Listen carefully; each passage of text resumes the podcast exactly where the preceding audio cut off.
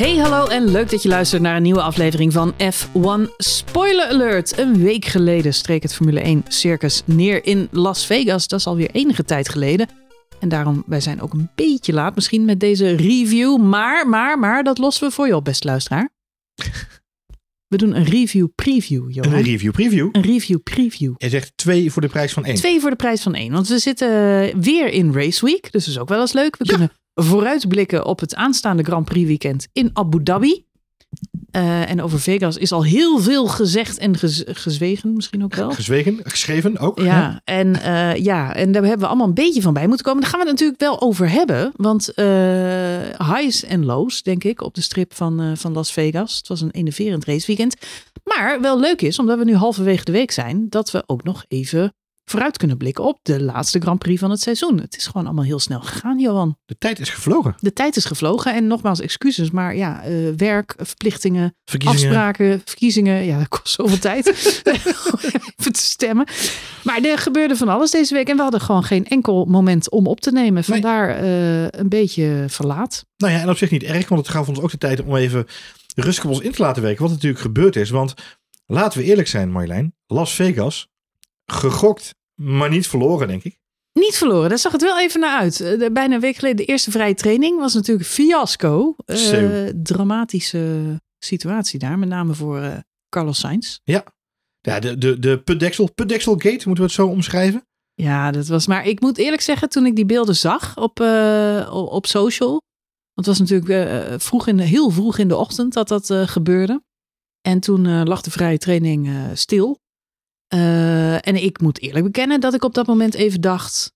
Volgens mij komt er helemaal geen race dit weekend. Alles wordt gecanceld. Het Nee. is zo slecht daar. Maar goed. Dat, De, de eh, vergelijking met eh, Indianapolis 2006 werd natuurlijk alweer gemaakt. Waar er natuurlijk met Michelin de banden toen nog... Ja, maar zes auto's aan de start. Zes auto's aan ja, de dat start. zijn de flashbacks. Dan, het, het is eerder voor Spa met de regen. Slechts één keer, slechts heel- één keer eerder zagen we in minder auto's op de start. Het was in Hongarije toen Lewis Hamilton alleen startte. Tijdje Ja, geleden. nog. Dat was ook. eh, ja. Ehm, maar ik denk dat we uiteindelijk, ondanks het feit dat eh, FP1 en FP2 misschien een beetje eh, een, een klein fiascootje waren. Ook voor Mhm. de toeschouwers zelf, Mhm. die natuurlijk eh, de tribunes afgeveegd werden. ehm, denk ik dat we getrakteerd zijn op een hele entertainende race. Nou, absoluut. Ik, ja, er zijn veel mensen die zeggen het is misschien wel de leukste race van het seizoen geweest. En eh, ik moet eerlijk bekennen dat ik het daar wel een beetje mee eens ben. Ik heb echt meerdere momenten staan, eh, staan springen in de huiskamer. Eh, en dat gebeurt niet elke Grand Prix. Vorige race was het alleen in de allerlaatste ronde dat er iets te juichen viel. En nu was het eigenlijk de hele race door super spannend. Met name omdat het ging over de overwinning. En dat hebben we het hele seizoen nog niet gezien. Dat er drie coureurs eigenlijk aan het strijden zijn voor de winst. Ja. Safety cars hebben we gehad. Crashes hebben we gehad. Eh, heel veel in, inhaalacties. Ik weet niet of iemand de statistieken nog heeft opgezocht. Maar volgens mij de meeste inhaalacties in een race Ja, heel 2023. Kan ik me zo Zandvoort, voorstellen. Zandvoort was wel hoog in de scores. Ik, ik denk wel dat deze er overheen gegaan is. Met name dat denk ik vanwege dat enorme lange rechtstuk natuurlijk. Ja. Heel veel, eh, heel veel eh, eh, toes daar. Er is heel veel mensen die in de slipstream natuurlijk lekker komen. Nou, ik heb me gruwelijk vermaakt. Ik vond het een hele, hele, hele leuke race. Ik moet zeggen, die eerste paar ronden. Ja. En zeker nadat Max natuurlijk in bocht 1 zichzelf er een beetje langs wrong bij, bij Charles Leclerc. Dat ging nou Mhm. niet bepaald liefdevol, zullen we maar zeggen.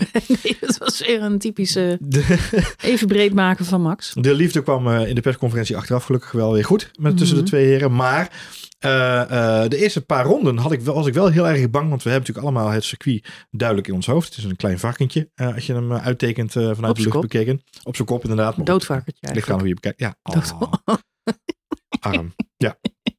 De PVD het niet horen. Oh, heel zielig. Ehm, maar eh, dat gezegd hebben we, Marjolein.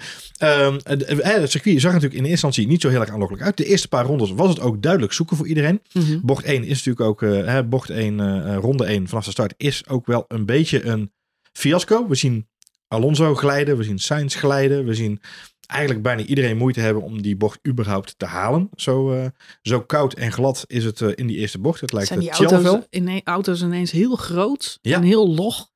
En eh, alsof ze op een ijsbaan eh, eh, ja, drijven eigenlijk. En dat was ook een beetje zo, want het was gewoon ijskoud daar. En dan denken we met z'n allen, nou Max is er weer voorbij, die knalt even er vandoor. Maar ja, dan ontstaat er toch discussie. En is er inderdaad de kans dat hij een straf gaat krijgen daarvoor. Um, ik vond het wel fascinerend om te zien. En ik weet niet of jij dat ervaren hebt. Maar met name los van of die straf nou zou vallen. Ook al had hij geen vijf seconden straf gekregen. Leclerc zat eigenlijk binnen no time weer in de DRS van Max. Nou, dat was natuurlijk de ironie. Dat wij, we hebben het dit seizoen eigenlijk al vaak over gehad. En ook veel gezien. Dat coureurs met een niet helemaal super legale inhaalactie voorbij komen aan iemand die ze heel erg in de weg zit. Um, en dan ervoor blijven. Want als je je plek teruggeeft, dan zit je nog steeds achter die, uh, die figuur die je ophoudt.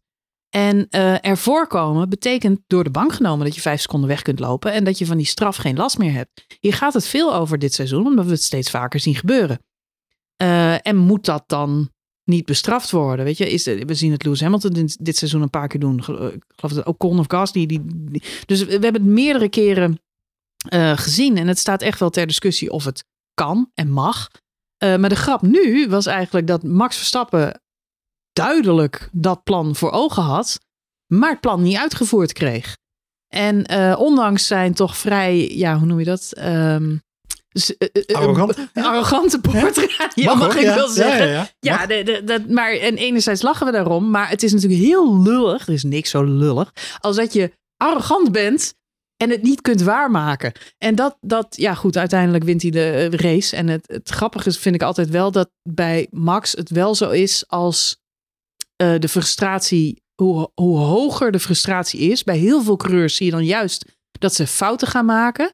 Bij Max vind ik altijd, hoe hoger de frustratie is, of in dit geval de potentiële afgang, hoe hoger zijn drive wordt om het toch naar zich toe te trekken. En dat zag je deze race. Dus het incident wat jij nu noemt, begin van de wedstrijd, zo van uh, send them my regards. En uh, ik rijd toch wel even. Uh, Giampiero zegt ook over de boordradio.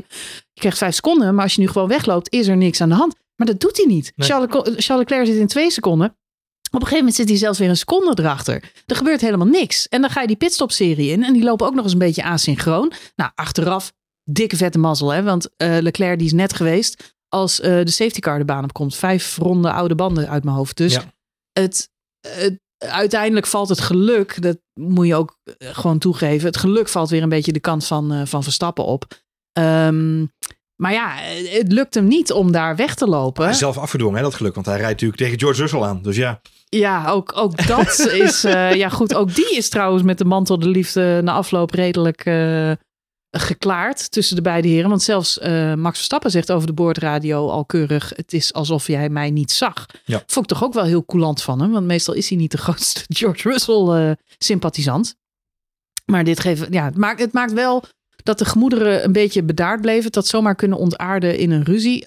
aan alle kanten vestigde Max dit weekend heel erg de aandacht op zichzelf.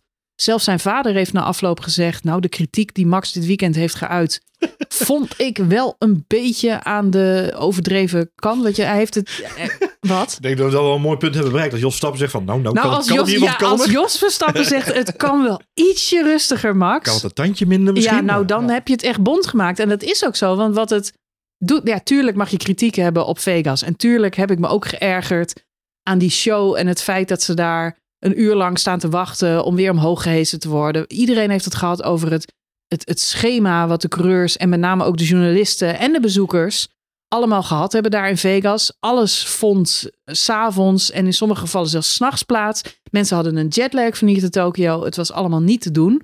Uh, fans moesten naar huis. Dat is gewoon ronduit schandalig. Dat je mensen die waarschijnlijk alleen voor de vrijdag een kaartje hadden gekocht. Omdat dat het enige is wat ze kunnen betalen. Dat je die mensen uitgerekend naar huis stuurt. En ze dan een soort cadeaubon geeft voor 200 euro. Dat ze nog iets leuk kunnen uitzoeken in de shop. Kun je gewoon niet maken. Dat is echt gewoon bad management. En Max heeft helemaal gelijk als hij zegt: als ik die mensen was, dan zou ik, uh, zou ik de boel slopen. Alleen juist zo'n uitdrukking is dan weer vrij niet zo politiek. Je kunt gewoon merken dat Max zo geïrriteerd was. Terwijl je altijd zo politiek correct is, zou je zeggen. Nee, nou, politiek. Hij heeft het hele seizoen redelijk. Hij, hij houdt er niet van om beroemd te zijn. Hij wil, niet, hij wil alleen maar racen.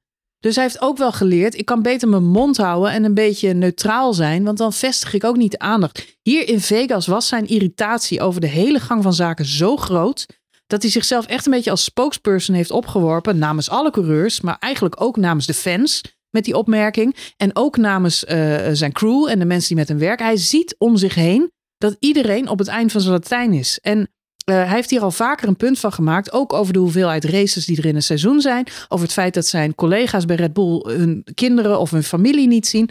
Onderaan de streep is de familiemens. En als hij merkt dat andere mensen, ja, dat het, dat het echt een tandje te ver gaat voor wat menselijk mogelijk is, dan komt hij er voorop. Je kunt hem niet vaak activistisch noemen, maar op dit vlak is hij heel activistisch. Dit is zijn.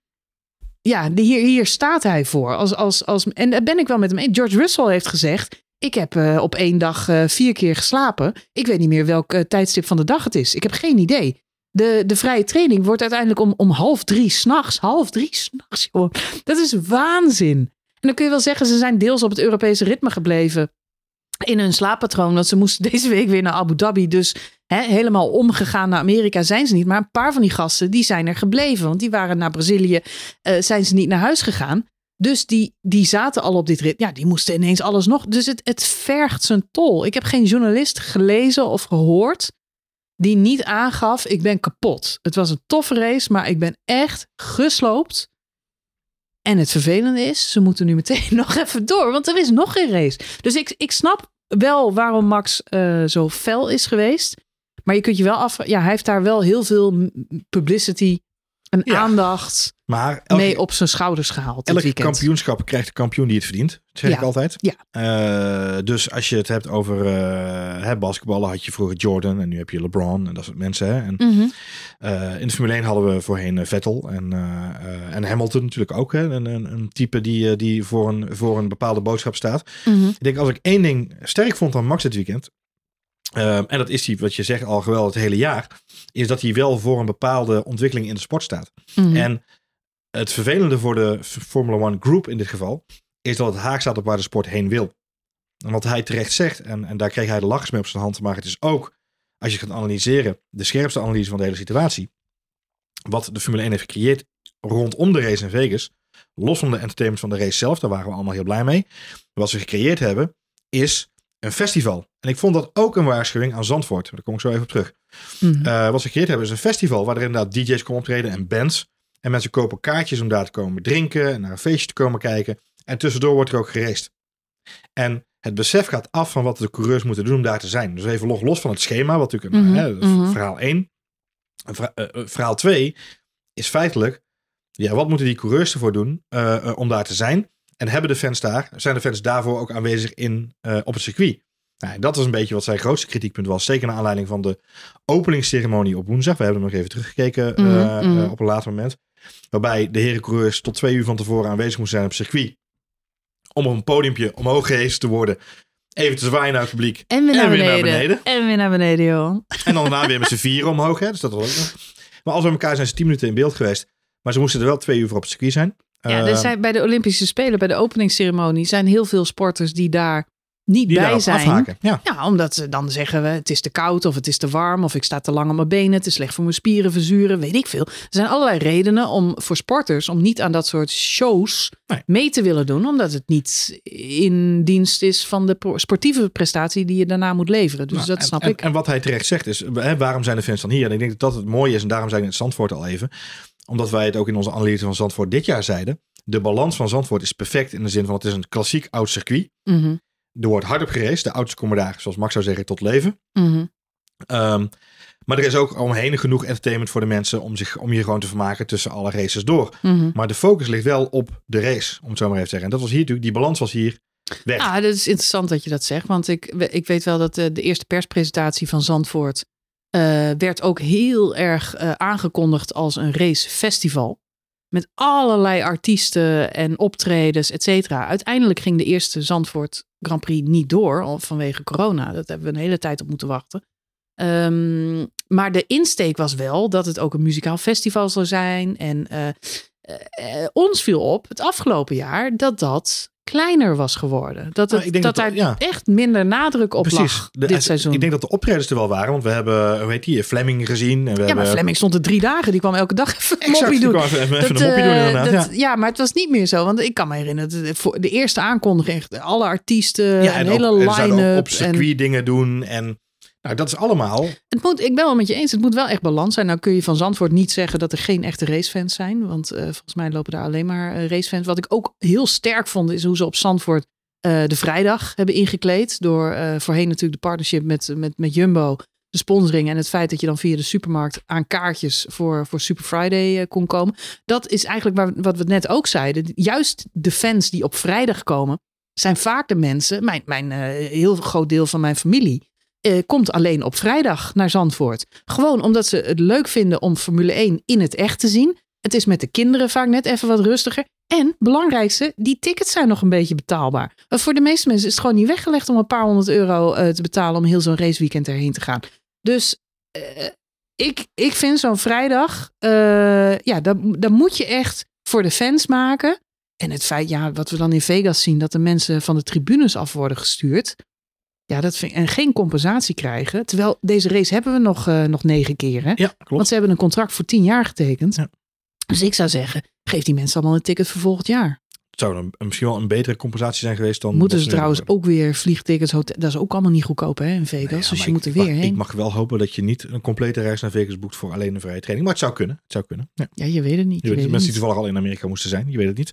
Hey, ehm, terug even naar de race. Ja. Eh, want Max, nogmaals, ik denk dat Max eh, eh, wel, wat jij al zei, ook het, de stem was van een aantal coureurs dit weekend. Zij misschien meer in zijn eigen, in zijn eigen typerende stemgeluid en eh, woordkeuze dan eh, dat misschien een George Russell of een andere coureur dat zou hebben gedaan. Maar ik denk wel dat de boodschap die hij uitdroeg binnen zijn eh, collega's breed gedragen werd. Ehm, jammer uiteindelijk, hè, van het fascinerende gevecht dat we zien uiteindelijk in de race tussen Charles Leclerc en de twee Red Bulls om de leiding van de wedstrijd, om de winst in de wedstrijd zelfs. Jammer dat we daar natuurlijk uiteindelijk Carlos Sainz dan moeten missen vanwege het eerder genoemde put. Ja, schandalig. Ik denk, ik, denk, ik denk dat het een van de meest onverdiende penalties in Formule 1 ooit ever is. Die jongen die kan er helemaal niks aan doen. Eh, hij heeft nog mazzel dat hij er zelf eh, geen eh, verwonding of iets anders aan overhoudt. De auto die is wel zwaar beschadigd. Dat loopt gigantisch in de kosten. Vasseur is nu ook in overleg of daar niet toch enige vergoeding voor zou moeten komen. Want ja, je hebt met kostcap te maken. En dit zijn gewoon kosten, daar had je geen rekening mee. Maar je moet ze wel oplossen. Maar het ergste vind ik nog, eh, de tien plekken penalty. Dat haalt Sainz gewoon compleet uit deze wedstrijd. Maar echt compleet. Terwijl Charles Leclerc vooraan meestrijdt om de overwinning. Ja. En hoeveel spannender en leuker was de race geweest vooraan als Carlos Sainz daar ook beter had gezeten. Dus je benadelt ook wederom de fans die ook gewoon eh, twee Ferraris en twee Red Bulls. Het had Ferrari ook in de race strategisch een betere uitgangspositie gegeven. Eigenlijk was Carlos Sainz reed voor spek en rond. Heel zijn weekend naar de Galamiezen door de fout van de organisatie. Eh, ja, fout, fout. Een putdeksel kan altijd loskomen. Hè? Dat is, geldt voor elk stratencircuit. Dus Ja. het is niet iets wat je had kunnen voorkomen. Eh, maar ik vind het schandalig. Echt, echt bizar. Er is geen, eh, er is geen eh, clausule opgenomen in het huidige sportieve reglement Nee. voor force majeure, zoals dat al zo mooi genoemd wordt. Ja, Oftewel eh, Overmacht. overmacht. Ja. Ehm, ja, dat, dat is natuurlijk heel krom en heel lelijk om mee te maken. We hebben het eerder meegemaakt in 2019 met George Russell in Baku. Mhm. Eh, well done, Baku. Ehm, jij zei al, hè, Vasseur is nu in onderhandeling met, met, met de organisatie van de race. Hij kan namelijk bij de FIA geen kosten herhalen. Bij, bij de Formule 1 groep officieel ook niet. Mhm. Maar wat niet recht is, is krom. En in dit geval heel erg krom. Mhm. Hij kan wel terecht bij de organisator, de organisator van de race. In dit geval, eh, en normaal gesproken is dat in Nederland eh, is dat een aparte BV of een aparte groep. Mhm. Dat geldt voor alle races in de wereld. Hè. Dat is een aparte organisatiegroep die daarvoor staat, van een apart organisatiebureau. In dit geval wordt de race in Las Vegas georganiseerd door de Formula One Group zelf. Ah. Dus Vasseur mag niet klagen bij de Formula One Group om geld terug te krijgen. Maar wel moet bij de wel raceorganisator wat de Formule One Group is. om tafel met de Formula One Group om als raceorganisator daar een vergoeding te krijgen. Ah, het viel wel op, want er was ook kritiek op eh, de excuses die zijn aangeboden vanuit eh, de Formule 1. Eh, met name bijvoorbeeld voor die fans die weg moesten. En ook het feit dat alles naar de nacht werd verplaatst. De journalisten, iedereen moest langer doorwerken.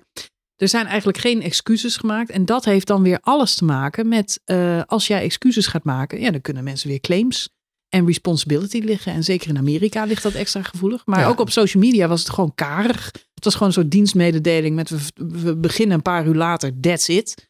Ehm, en dat is er ook wel heel veel mensen een beetje vervelend ervaren. Het is eh, uiteindelijk eh, binnen no time lag er natuurlijk een, een grote groepsclaim. Want Ja. zo gaat het in Amerika. Dan maken ze gewoon een rechtszaak met een hele grote groep mensen. Ja. De, eh, de slimme advocaten in Nevada, en die zitten er genoeg, waren natuurlijk snel genoeg eh, om, eh, om heel snel Better Call Saul te zorgen dat ze een, een case hadden.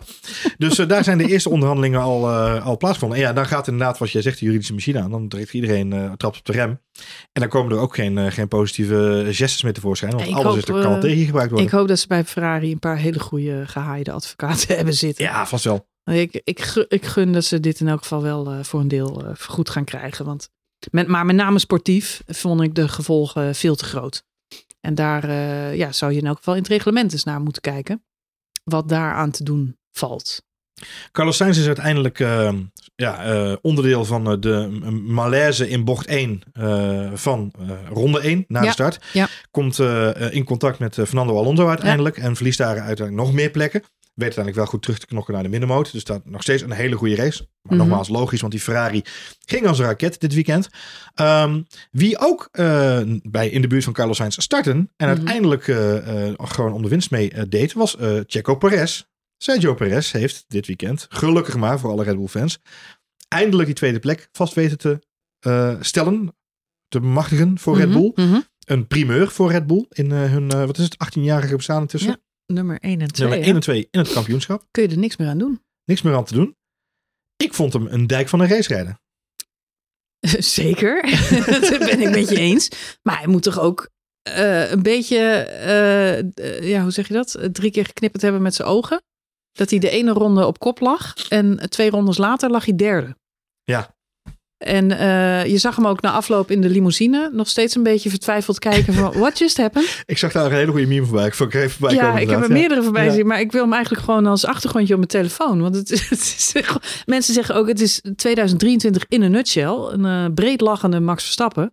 En eh Checo Perez die, die, die, die opzij kijkt van wat is er zojuist gebeurd? Die Ja. snap, ik snap er helemaal niks van. Het is een beetje als ik 's ochtends voor mijn eerste bakje koffie en dan na mijn eerste bakje koffie. Ja. Maar ik heb, ja goed, het is, het is sneu. Maar het, het, het, maakt, het maakte wel die slotfase van de Grand Prix mega spannend. Want eigenlijk had Charles, eh, sorry, eh, Sergio Perez het meeste voordeel van alle safety car situaties. Want die was nog helemaal niet gestopt. Dus die kon onder de safety car eh, stoppen. En daardoor kwam hij eigenlijk in een riante, briljante positie zo'n beetje terug. Max Verstappen besloot een extra keer naar binnen te gaan voor extra banden. Ferrari deed dat niet. Dus Verstappen heeft echt op eigen merit zich weer terug moeten knokken eh, na die top drie. En dat geeft hem uiteindelijk de advantage dat hij Charles Leclerc nog in kan pakken. Maar met Sergio Perez, ja, die, die heeft dan toch net weer eh, niet helemaal... Nou, ja, hij heeft natuurlijk wel de pech dat hij in ronde 1 naar binnen moet voor die vleugel. Hè? Hij heeft dan ook, het, is dan wel, een- het is dan wel een VSC, dus hij heeft dan wel een virtual safety car waar hij dan gebruik van kan maken. Maar hij heeft natuurlijk wel de pech ook dat hij zijn vleugel moet vervangen daar in die eerste bocht.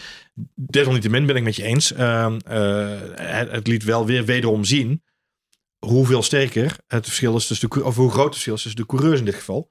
Eh, het feit dat, eh, dat Max uiteindelijk eh, naar die eerste plek weet te rijden.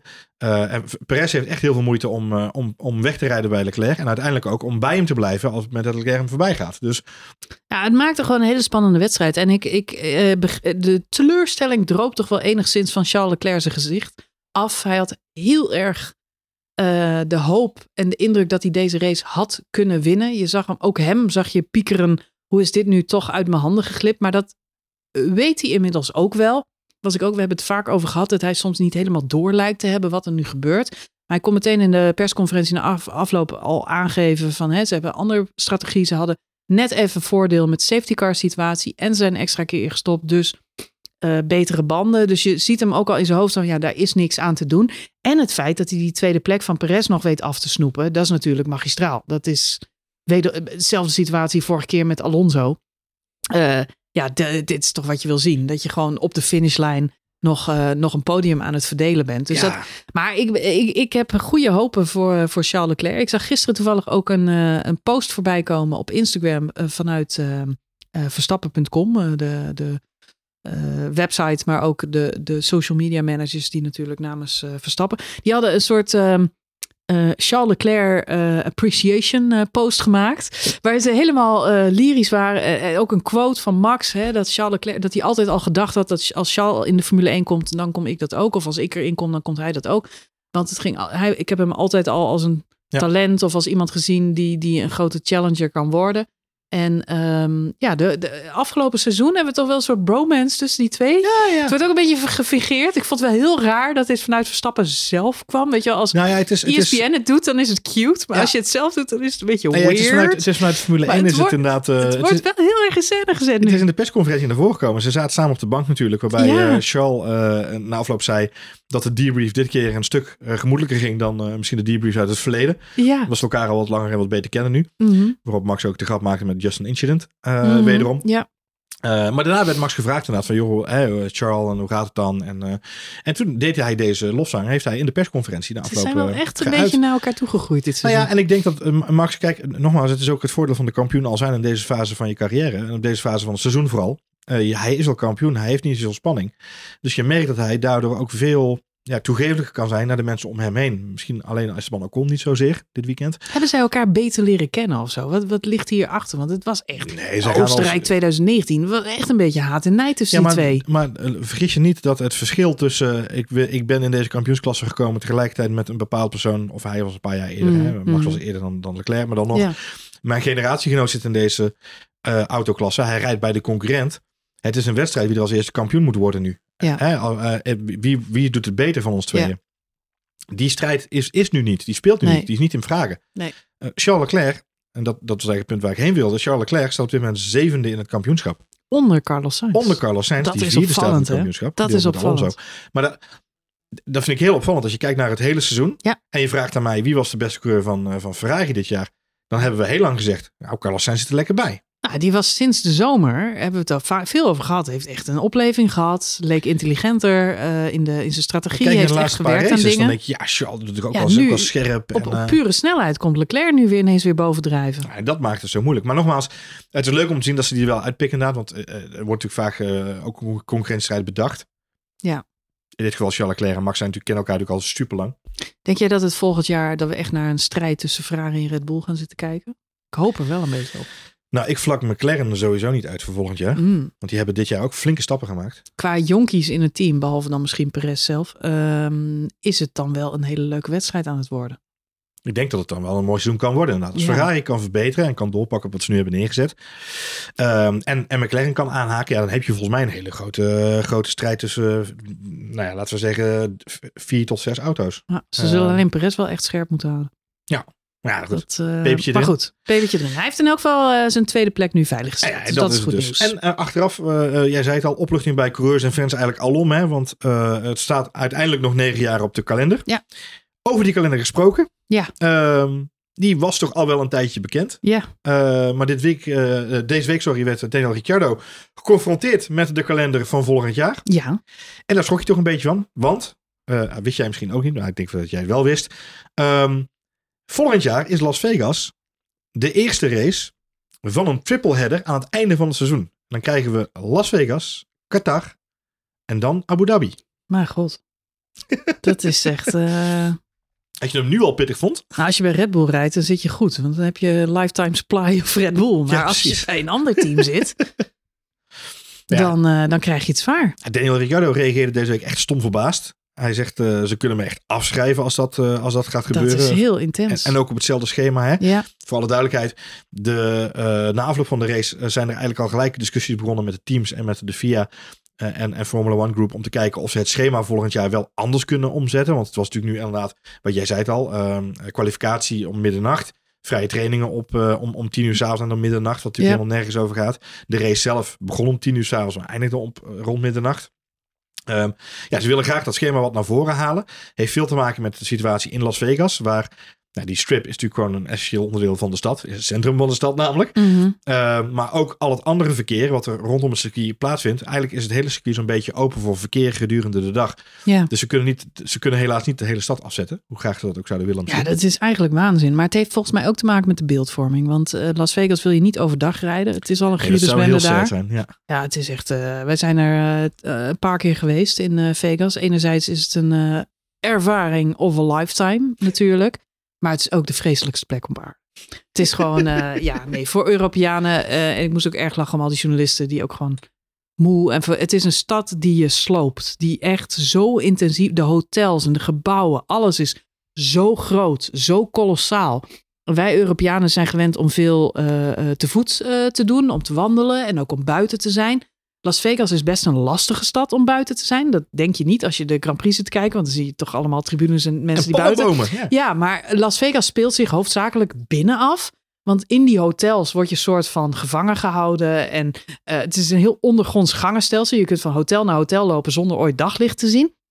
Dus het is een hele vreemde en hele intensieve plek om te zijn. Maar in elk geval staat vast, overdag is het... Is... Overdag slaapt Las Vegas eigenlijk. Nou, ja. nou, slaap, maar het is ook gewoon... Het is geen geen mooie stad. De, en om het plaatje te krijgen zoals ze dat voor ogen hadden, heb je dus uh, de nacht nodig en dan dat alle lampjes aanstaan ja. voor de mooiste plaatjes. En ik moet zeggen, dan oogt het fantastisch. Het is, het is echt ja. een Hollywood decor met alle uh, bekende uh, hotels op een rij. En dat, dat zag er ja, geweldig uit op televisie. Maar om er te zijn, ja, het is niet de, de mooiste plek ter wereld. dat is het gewoon niet. Dus je moet het s'nachts doen. En, ja. maar goed, wat jij zegt telt ook. Want het is overdag gewoon in gebruik. Omdat de strip inderdaad ook gewoon erg uh, druk is met auto's, taxis en, uh, en toeristen. Het is een uh, toeristenstadje natuurlijk. Ja. Hè? Iedereen komt daar vakantie vieren. Nou ja, we gaan het, we gaan het zoals gezegd gaan we het zien. Um, de gesprekken zijn er tussen gaande tussen zowel de organisatoren als de raceteams. Om te kijken hoe ze het volgend jaar dan toch wel naar voren kunnen halen. Om die intensiteit wat te verlagen. We zijn intussen aangekomen, zoals jij al zei, uh, aan het begin van de uitzending in Abu Dhabi. Ja, iedereen is alweer verkast. Als je het dan hebt over races die uh, overdag een beetje beginnen en dan meestal in de avond eindigen en dan voor de mooiste plaatjes zorgen. Um, ik krijg altijd lekker warm uh, van als ik naar de beelden zit. Als je de beelden kijkt, ja. Ja, palmoompje, iedereen in ja, korte ja. mouwtjes. Sfeertje, en, ja. Nou, mooie, mooie plek ook om te zijn misschien wel. Prima afsluiten van het seizoen, maar een triple header met Vegas als start, dat lijkt me wel intensief. Dat dus, lijkt me heel intensief uh, inderdaad, ja. Dus ik, ben, ik, ben, ik denk dat, uh, dat het een, een zware, een, een zware zal zijn dit weekend ook. Ze zitten natuurlijk ook met de einddatum van het seizoen. Want volgend jaar zitten we dan ook weer in december, ja, denk 8, ik, met de 8 laatste. december is ja, kun je nagaan. Na Sinterklaas pas de laatste Formule 1 race. Dat Ja. is toch uh, een heel lang Formule 1 seizoen. Ja, is voor Racepiet ook balen. is zeker balen. Ja. Maar uh, ik, ik bedoel ook meer te zeggen, er is niet zo heel veel ruimte om dan nog heel veel te schuiven in de kalender.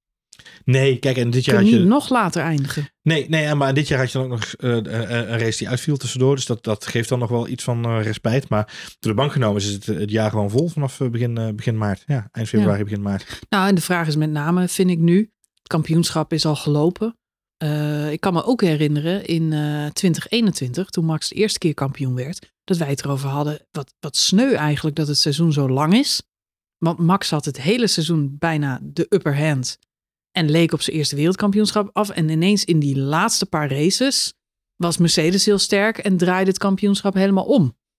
Uh, en dan kun je zeggen, ja, dat, hè, dat hoort bij de competitie en dat telt allemaal mee. Daar ben ik wel mee eens. Maar hoe langer een Formule 1 seizoen wordt, hoe hè, in dit geval is de kampioen juist al wel bekend. En dan zijn die laatste races een beetje voor spek en bonen. Dus ik snap de commerciële belangen hè, en waarom ja. er zoveel races zijn. Maar het laatste staartje van het seizoen is heel intensief niet altijd even spannend of juist een heel kampioenschap weer ongedaan makend. Ja, ik. Uh... Nou ja, je moet je voorstellen als de 2021 nu zich in deze fase had afgespeeld en je had dan dit schema gehad. Uh, Verstappen en Hamilton uh, 2021 en dat was dan nu eerst nog Las Vegas geweest en dan nu nog Abu Dhabi ja. onder hoogspanning. Ik, was Ja. heel, ik ben heel benieuwd hoe die heren dat dan, uh, hoe ze daar dan uit waren gekomen. Ja, nu, nu voelt het meer als een uh, vrije training. Ja, Die ze nog even moeten afronden. Maar dat is niet zo, Johan, Nee. want het is de laatste race van het seizoen en er kan nog van alles gebeuren. Nou ja, kijk, we de, even, de, even een- een een heel snelle update. Want de eerste media-optredens terwijl wij in de studio zitten zijn natuurlijk alweer geweest. Ja, Ehm, het, het- het- we mogen ervan uitgaan dat het dit weekend een- vooral een feestelijke afsluiter zal zijn. Ondanks dat iedereen rating moe zal zijn. Eh, de top 3 staat natuurlijk redelijk vast. Maar er zijn nog wel een paar dingen die inderdaad eh, interessant zijn om te volgen. Eentje moeten we het zeker wat uitgebreider over hebben. Wat ik leuk vind om vast mee te geven. Mhm. Zojuist bekend geworden. Is dat Fazeur en Toto Wolf een officiële waarschuwing hebben gekregen. Naar aanleiding van hun taalgebruik. Tijdens de Grand Prix van Las Vegas. Oh, wat Dus die ze zijn, gezegd dan? Tijdens het media-optredens eh, voor en na en ook eh, tijdens de race hebben ze zich kennelijk een beetje te veel eh, eh, laten gaan qua vloeken en tieren. Qua vloeken? Ja. Maar dat hebben wij niet gehoord. Nee, Wel? hebben wij niks van meegekregen, maar op de een of andere manier hebben ze daar toch een, eh, een waarschuwing voor gekregen. Eh, Fazeur? Hoe, hoe zou Fazeur vloeken? Heb ik dat gehoord? ja, dat zou toch een. eh, de, de, de, de uitleg is the use of certain language. In een eh, persconferentie Ik ben nu voorafgaande. toch wel heel benieuwd naar die audiotape van een vloekende Fazeur. Bij Toto Wolf kan ik me er alles bij voorstellen, maar bij Fazeur heb ik echt geen beeld. Nou, ik heb het idee dat zij ehm, ehm, een aantal, eh, er zijn een aantal woorden gevallen die beginnen met een F en eh, eindigen op een D. Hmm. En daar zit een U, C, K, een E en D tussenin. Ja, ja. Die hebben ze een aantal keren herhaald tijdens de persconferentie na afloop van de vrije training. En dat mag Ehm, niet. en dat vonden ze niet zo heel erg leuk bij de FIA. Eh. Dus daar hebben ze een waarschuwing voor gekregen. De volgende keer moeten ze shitfaced zeggen. Dat mag wel. Ja, dat mag wel gewoon. En dan Ja. word je zelfs door de, door de journalisten gefeliciteerd voor je kleurrijke woordgebruik. Ja. Precies. Ehm, dat vers van de pers. Maar misschien nog wel het meest belangrijke wat we natuurlijk deze week te horen hebben gekregen in de wandelgangen. En intussen all out in the open. En jawel Marjolein, er is ook een nieuwe update van dit verhaal. Dus daar ga ik je Mhm. zo over bijpraten. Mhm. Live in de uitzending. Ja. Lewis Hamilton Ja. heeft gesproken Ja. met Ferrari en Red Bull Shocking. voor een stoeltje volgend jaar. Nog voordat hij eruit was met Mercedes. Zijn nieuwe contract voor de Ja, komende dat, drie jaar. dat is echt eh mindblown. Ik, eh, dit nieuws kwam gisteravond eh, voorbij en wij waren allebei in lichte shock. Dat dit, we weten natuurlijk niet hoe ver die gesprekken zijn gelopen, maar Nee. er wordt altijd gepraat. Maar het feit dat Lewis er überhaupt voor open heeft gestaan. Vind jij niet ook, want eh, in, gedurende het seizoen is zijn houding ten opzichte van Red Bull ook wel wat veranderd? Sowieso laat hij zich daar minder kritisch over uit, maar hij is zelfs complimenteus geworden. Van ze hebben de boel gewoon best op orde. En als wij iets willen, dan moeten we diezelfde maatstaf neerleggen. En eh, dus eh, het was misschien ook al wel een beetje te proeven in zijn taalgebruik. Ja. Maar ehm, uiteindelijk heeft Horner natuurlijk aangegeven dat het geen reële optie was. Nee. Naast de heer Max Verstappen. Nee, dat is wel heel typisch. Waarom Ja. zou dat dan zijn? Ik snap het ook niet helemaal. Ze zijn happy met de line-up die ze nu hebben. En ook eh 100% tevreden. Ja, 100% Nee, het verhaal is natuurlijk dat er eh, dit jaar was natuurlijk extreem eh, veel aandacht voor eh, de situatie rondom Lewis Hamilton. Zijn contract was natuurlijk aan het einde van dit Ja. seizoen afgelopen bij Ja. Mercedes. Rondom de Grand Prix van Monaco waren de geruchten eigenlijk op zijn heftigst. En werd Lewis Hamilton ook door meerdere mensen gezien met CEO, Ferrari-CEO John Elkan. Mhm. Daarvan heeft hij uiteindelijk, toen hij zijn contract verlengde in augustus, eh, september, heeft hij bevestigd dat hij met die man gesproken heeft. Ja, natuurlijk heb ik met die man gesproken, maar ik ken een heleboel mensen bij Ferrari. Het is gewoon eh, meer een vriendschappelijk gesprekje, leuk en aardig. Hm. En eigenlijk heeft het niet zoveel te maken. En nee, ze hebben me nooit een, een bod gedaan. Nou, politiek bezien is dat natuurlijk geen woord aan gelogen. Ehm, want ze zullen hem waarschijnlijk geen bod hebben gedaan. Maar Mhm. Christian Horner heeft inderdaad een interview met de Daily Mail laten vallen dat ze benaderd zijn door iemand uit het team van Lewis Hamilton. Of er wellicht een plekje was voor Lewis Hamilton volgend jaar bij Red Bull. Nou, dan is er, als ze dat bij Ferrari op die manier ook eh, hebben binnengebracht, heeft Ferrari officieel geen bod gedaan, maar is er wel degelijk gesproken over een stoeltje, ja of nee. Ehm, Het is gewoon een soort sollicitatie. Een soort open sollicitatie sollicitatie. nou ja, eh, Horner inderdaad wat je al zegt, eh, aangegeven dat het, eh, dat het ge- geen optie was voor Red Bull. Hij bevestigde in dat interview met de Daily Mail wel dat hij ook wist van de gesprekken met Ferrari. Ehm, onder andere ook met Frederik Vasseur. Dus nog een niveautje lager in de, in de funnel, om het zo maar even te zeggen. Ehm, hij wilde overigens niet vertellen wie degene was die het gesprek eh, zou hebben geïnitieerd bij, eh, bij Red Bull. Maar het gerucht en ook het verhaal wat de Daily Mail eigenlijk wel onderstreept, is dat dat zijn vader is geweest, dus Anthony Hamilton. eh, die officieel geen manager meer is van... Altijd weer die vader, zei je. ja, precies. Geen officiële rol, Papa Perez, maar wel sturen. Jos. en in dit geval de papa Ja. van Lewis. Sebastian Vettel bij Die Mick man is bijna 40, maar zijn papa moet nog steeds. jongen, jongen, jongen, jongen, jongen. Maar. Reet van der Naald, Ja, net naar buiten gekomen, ja. eh, heeft Lewis Hamilton gereageerd Oh, vertel. op de geruchten. Oh god, ja. En hij heeft aangegeven dat het, eh, eh, nou hij heeft het niet ontkend, Nee, maar hij heeft in dit geval aangegeven dat het verhaal wil- omgekeerd is. hij wil premier worden. ja, precies. hij is, wil graag over zijn eigen schaduw heen stappen. Gelukkig. En eh, hij het is zoekt- ook nodig, Ja, eh, de, het is ook de nodig. kiezer heeft gesproken. Ja. En eh, de politiek moet zijn werk doen nu. Ja. Nee, hij geeft aan dat het verhaal andersom ligt. Hij is benaderd door Red Bull. Oh. Christian Horner zou contact hebben gezocht met de mensen van Mercedes. Eh, van Lewis Hamilton, Dat sorry. heeft zijn vader natuurlijk gezegd. Want die kan niet, met, die kan niet over... De, de- niemand Nee, kan jongen, over... nee, jongen, dat was ik niet. Als er iemand niet over zijn eigen schaduw heen kan stappen... dan is het waarschijnlijk de heer Lewis Hamilton. Dus je kunt nooit zeggen... hey, wij gaan, we hebben voor jou een lijntje uitgegooid bij Ferrari en Red Bull. Je moet tegen Lewis natuurlijk zeggen... hey, ze zijn geïnteresseerd in je. Ja, precies. Ik denk ook oprecht dat Lewis niet liegt.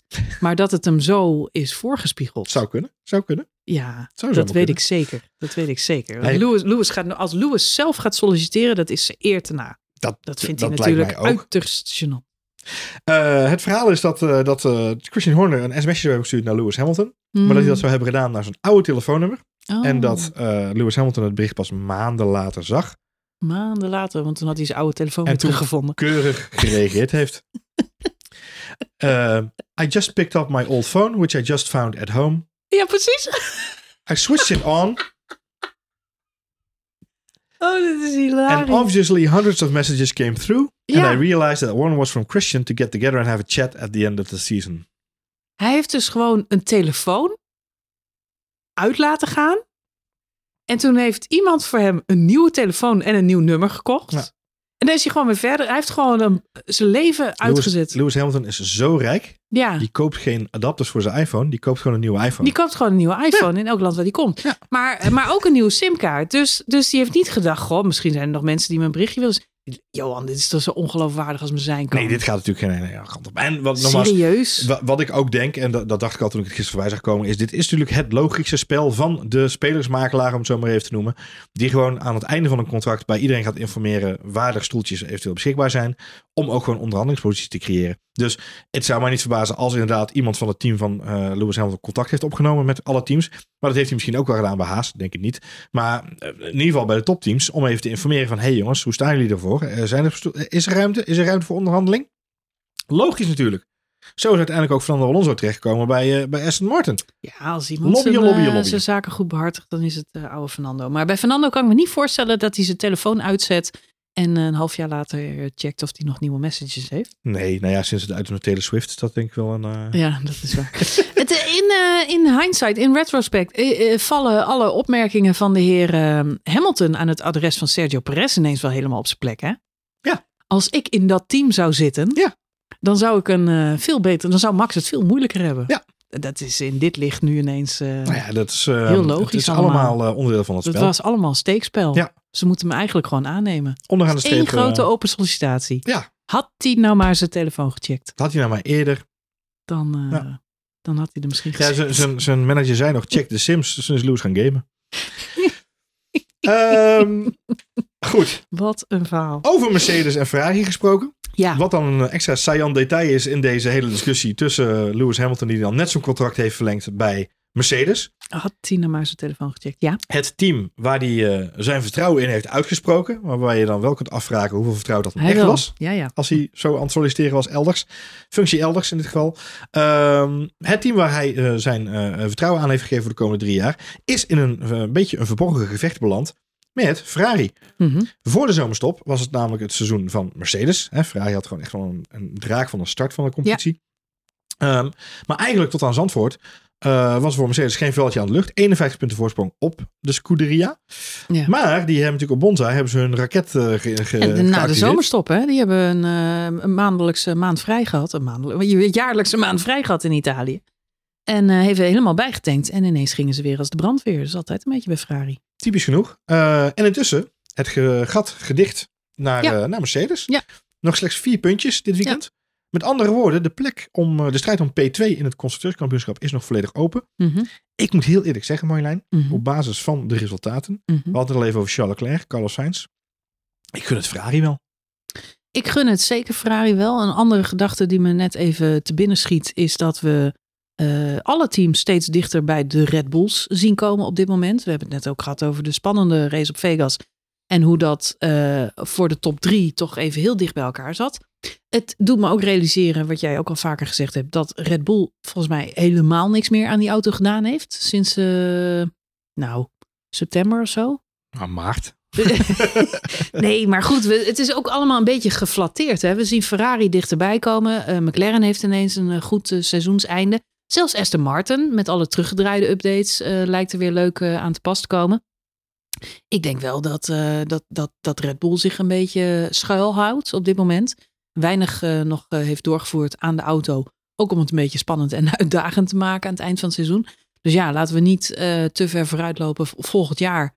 Dat, dat iedereen er weer helemaal bij zit vanaf het begin. Want ik denk niet dat dat het geval zal zijn. Maar ik ben met je eens dat het wel leuk is dat het eind van het seizoen zich zo ontvouwt. En ik uh, gun het inderdaad. We hebben, ja, ik mag het niet meer zeggen, Johan. Want als ik nu iets positiefs over Ferrari zeg, dan gaat, het, dan gaat het weer helemaal mis in die laatste race. En dat, dat gun ik ze inderdaad niet. Maar ik vind dat ze op veel fronten gegroeid en ontwikkeld zijn.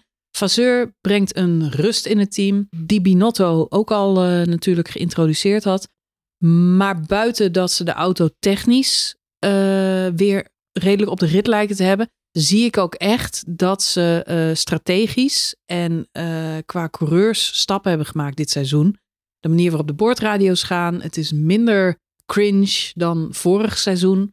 Ik vind dat Leclerc en Sainz lijken meer inzicht te hebben in hoe een race is verlopen en waarom het wel of niet hun kant op is gevallen. Uh, de pitstops verlopen een heel stuk sneller.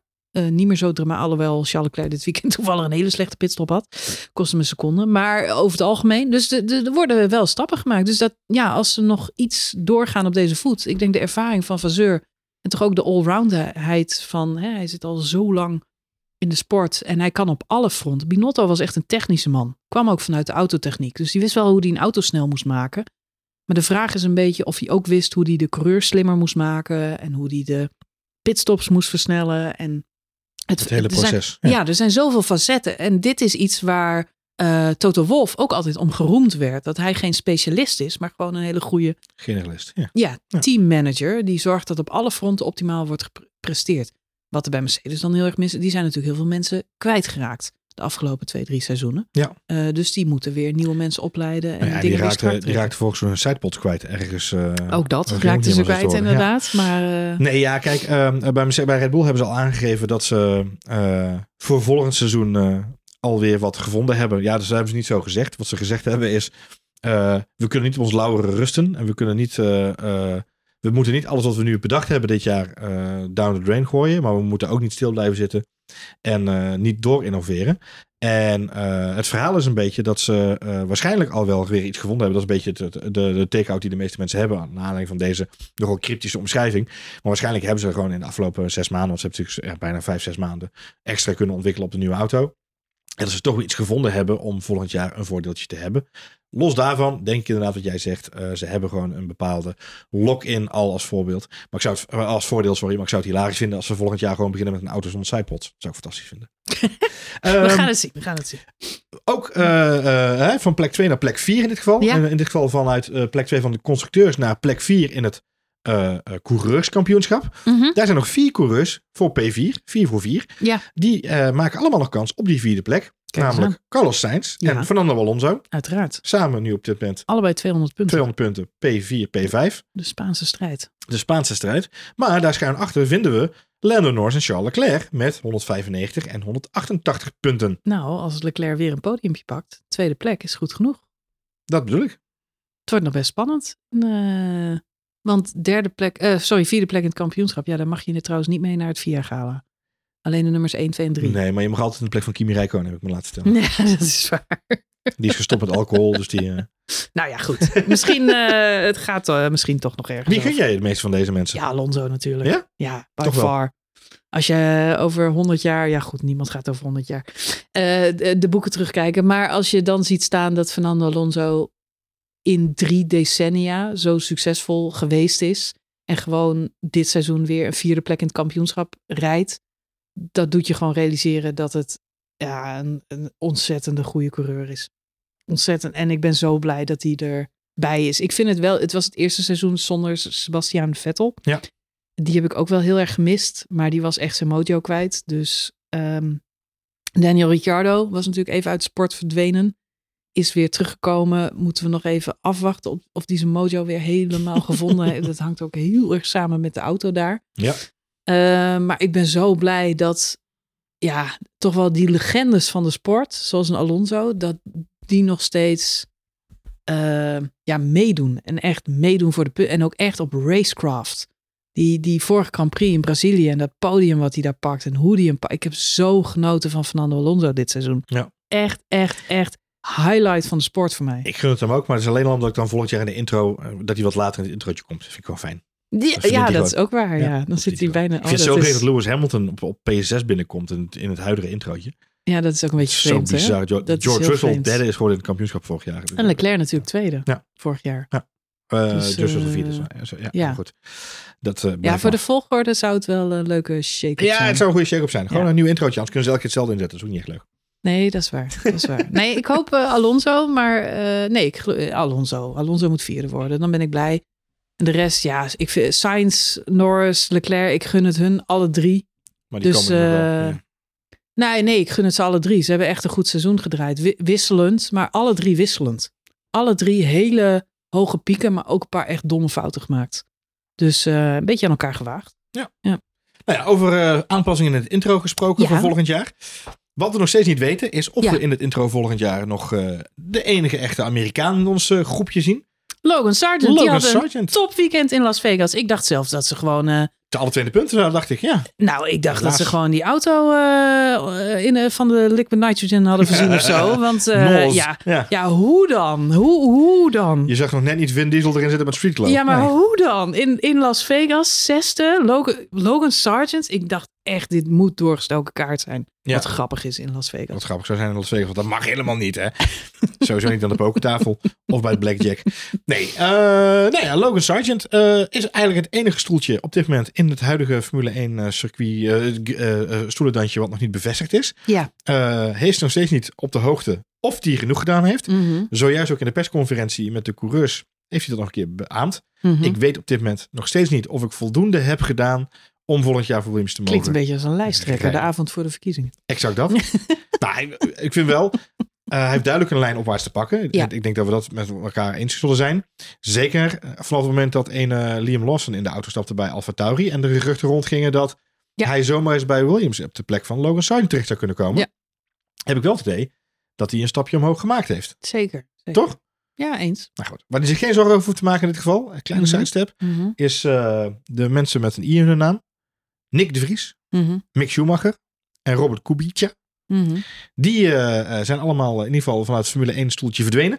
Ja. Uh, zij tekenen namelijk deze week allemaal een contract bij eh, endurance teams, bij WEC teams. Ah. Van eh, respectievelijk nou, Toyota, in het geval van Nick de Vries. Geen Ja. verkeerde zet, de, de absolute wereldtop als het gaat om endurance Ja. racing.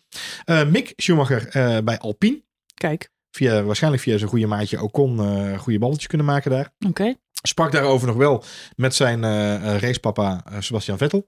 Hm. Ehm, eh, een langdurig gesprek gehad over wat hij dan wel en niet moest doen. Maar hij blijft wel ook reservecoureur bij Mercedes. Leuk. En ja, Robert Kubica heeft dan eindelijk toch, na al die jaren, getekend bij Ferrari. Kijk. Alleen in dit geval bij het endurance team. Hij gaat in de hypercar Nou, rijden ik vind voor... het wel heel erg leuk dat Kubica blijft rijden. Ja, toch? Het geeft ook wel aan wat een talent dat was of had kunnen zijn, ook in de Formule 1.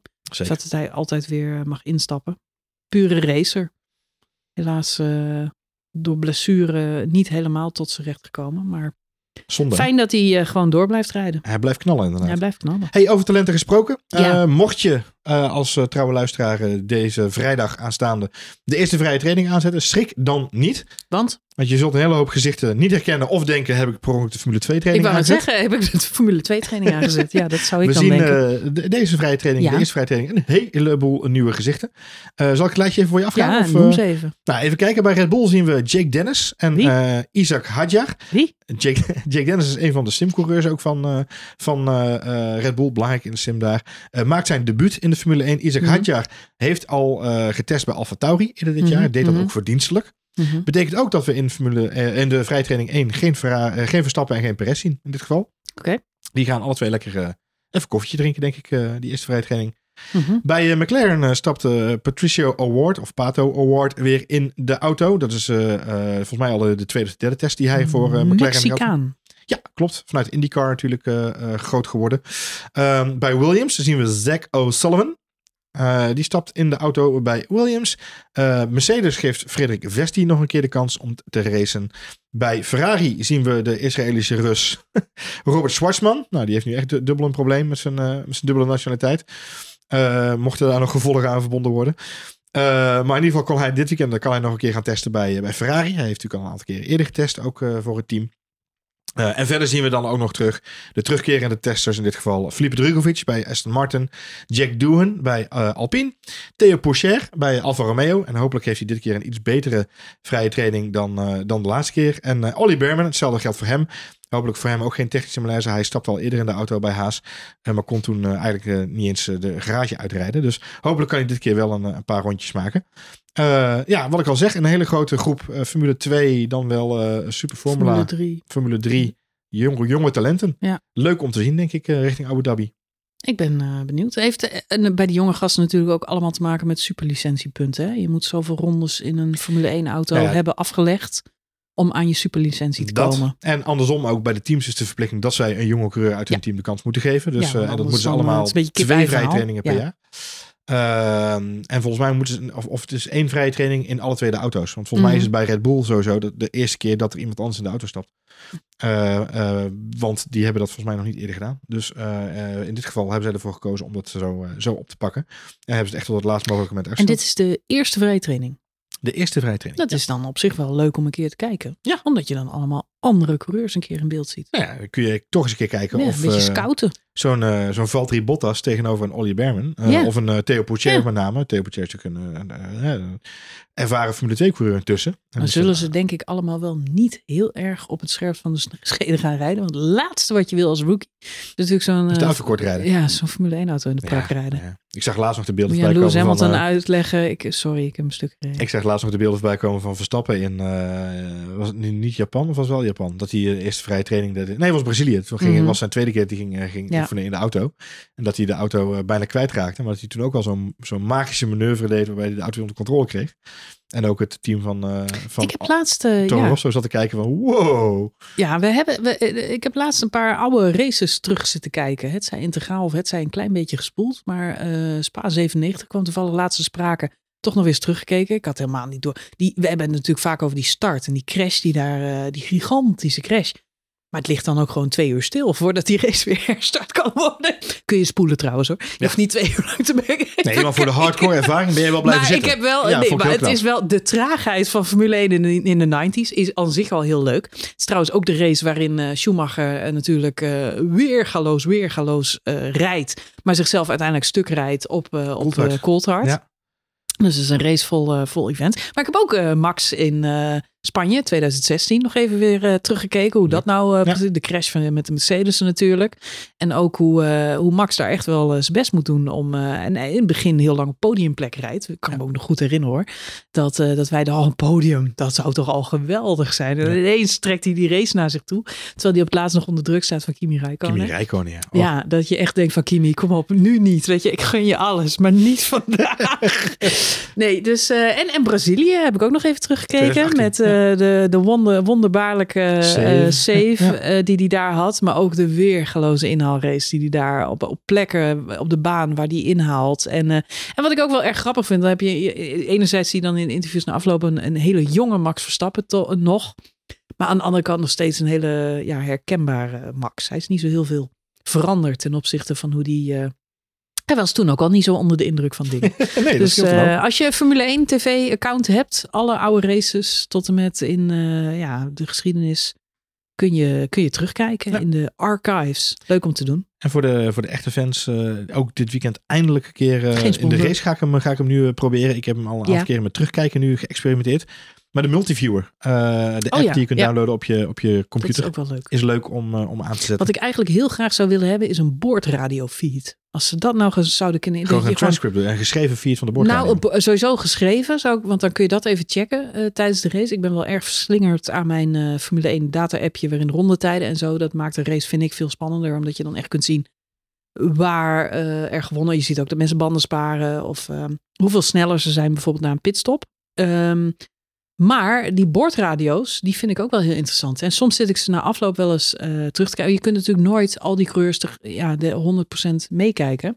Maar eigenlijk ook, ook een audiofeed. Dat je gewoon een oortje in kunt doen. Elke keer als er een boordradio is dat die live wordt gebroadcast. Zou ik misschien nog wel interessanter vinden Ja, dan leuk. het commentaar. Het zit er volgens mij nog niet in. Volgens mij wordt er heel veel door elkaar heen gecommuniceerd. Dus volgens mij word je dan gillend gek als je alles ja, elkaar sommige coureurs, sommige, de, op YouTube zijn hele compilatievideo's van, van alle boordradio's bijvoorbeeld aan het einde van een race. Ja. Dus de felicitaties Jawel, en de al, opmerkingen. dan is hij al geknipt. Dan en, is eh, hij al achter geknipt inderdaad. Maar er ja. zijn, er zijn coureurs die heel veel... We hebben Vettel, die praat altijd heel veel. Die gaf heel veel feedback.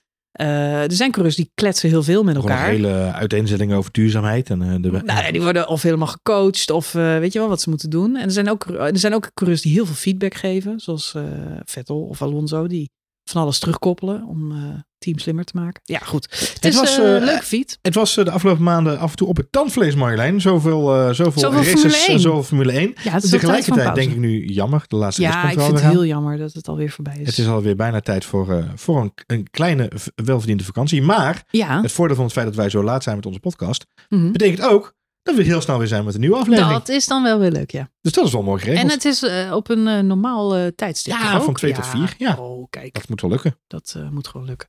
Nou, dan zijn wij er weer na dit raceweekend, wat aanstaande is. Lekker snel. Lekker snel inderdaad, met de, de laatste Grand Prix van het seizoen. Wil je reageren of nieuws droppen of, of, of, of discussiëren, dan kan dat zoals altijd in onze Telegram-app. We hebben ook nog steeds een X, terwijl oude Twitter-account waar ehm, Niet zo heel veel meer mee gebeurd. niet zo heel veel meer mee gebeurd. Nooit. Eh, Instagram hebben we en ehm, ja, dat was zo'n we, beetje, hebben, we toch? hebben ook een RSS-feed. RSS-feed? Ja. Van de podcast. Ja, dat Heb je logisch, nodig. hè? Ja, Dat is logisch. typisch. Eh, we staan op Spotify, en, eh, maar ook gewoon in je favoriete podcast. En als is dat wel Spotify beetje, toch? dan heb je mazzel. Ja. En doe je nog een polletje op Spotify? Polletje. Ja, ik doe elke week een polletje. Doe je elke week een week. polletje? Dan, geef, dan vraag ik aan onze luisteraars hoeveel Pirelli-bandjes zij voor deze wedstrijd over hebben. Niet voor de podcast zelf, maar voor de race. Ah. Voor de race, ja, Ja. nee, heel goed. Dan kunnen we aan het einde van het jaar misschien wel een soort eh, Pirelli-bandje over creëren. Ja, wat de beste race was. Nou. Daar ben ik nog wel benieuwd naar. En ik vraag me af hoe hoog Vegas daarin staat. Want ik kan me voorstellen dat mensen ook wel een beetje eh, zich geïrriteerd hebben aan eh, het hele weekend. Maar als race was het natuurlijk wel een... Nou, We gaan Een het, leuke- we gaan het testen, Marjolein. Laten we hopen dat we nog zo'n mooie krijgen in de allerlaatste dit weekend. Heel graag tot de volgende aflevering van Spoiler Alert over de race van Abu Dhabi.